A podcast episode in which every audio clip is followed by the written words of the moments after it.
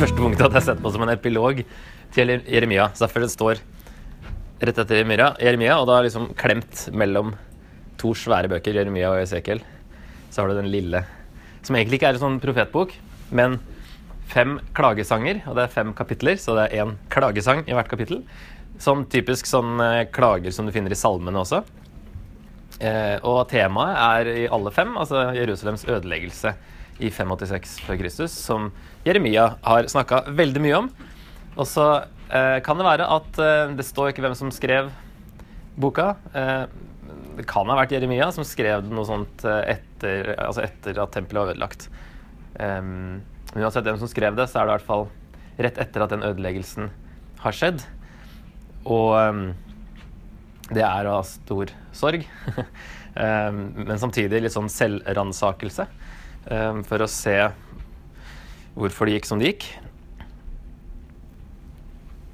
Det jeg har gjort, er ser litt komplisert ut med en gang når du får alt sånn der på én side. Men uh, det er litt forskjellige forskjellig pronomen i de forskjellige, som er forskjellige i hver sang. Sånn at jeg tenkte det er greit å vite hvem som er hvem.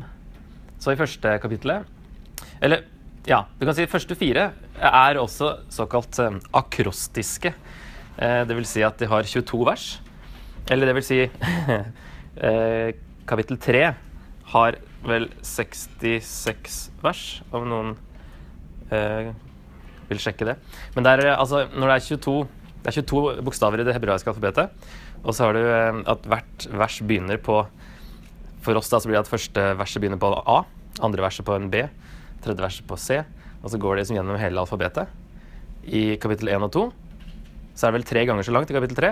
Og da er det hver tredje um, hvert tredje vers som begynner med en ny bokstav i alfabetet. Så der i første halvdelen av den første sangen så er hun det er Jerusalem da, som beskrives som en enke. Eh, og hun vet at det var Gud som sto bak ødeleggelsen, og at det var pga. folkets synd at det skjedde. Eh, og at Gud var rettferdig da han dømte dem. Og så blir det jeg i andre halvdel. Da snakker Jerusalem da, som jeg i første person. I den andre sangen så er han Gud. Eh, og i, i, første halvdelen. Og i andre halvdelen så er det jeg er fortellerstemmen, virker det som, som snakker til Jerusalem. Og så på slutten, fordi han oppfordrer Jerusalem til å øse ut ditt hjerte for Gud. Så det gjør da Jerusalem i de siste tre versene eller sånt nå, som en jeg. Så det også kan være litt sånn greit å holde styr på hvem som snakker. Så her i um, andre sangen så for så vidt noe av det samme. Gud var rettferdig da han dømte dem. Altså her anerkjenner vi at Guds vrede, det handler mye om Guds vrede her, at den var berettiget men oppfordrer da Jerusalem til å øse ut sitt hjerte for Gud og be for sine barns liv. Og så I tredje sangen så er jeg beskrives i vers, vers 1 der som en mann som har opplevd nød under staven han brukte i sinne, og da er han Gud. Så det er en person som har opplevd eh, nøden som har kommet av Guds dom. Da. Og han, denne jeg, oppfordrer folket til å søke Gud og sette sitt håp til ham og det som har skjedd, bør få dem til å omvende seg, sier han.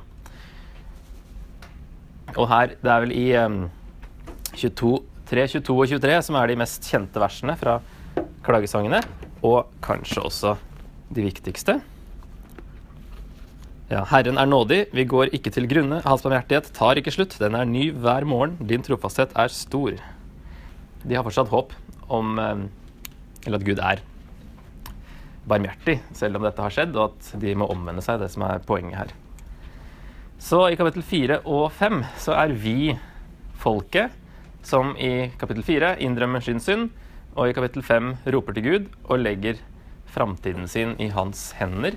Og de gjør det da som kapittel 3 oppfordrer dem til. Så det er en slags progresjon gjennom de fem kapitlene. Her får de oppfordringen, og så gjør de det da i kapittel fem. Så det henger litt sammen sånn, selv om det er på en måte fem sanger i tillegg til det. Um, Jesus i klagesangene er ikke så lett å få øye på. Da må vi se litt på den store historien igjen.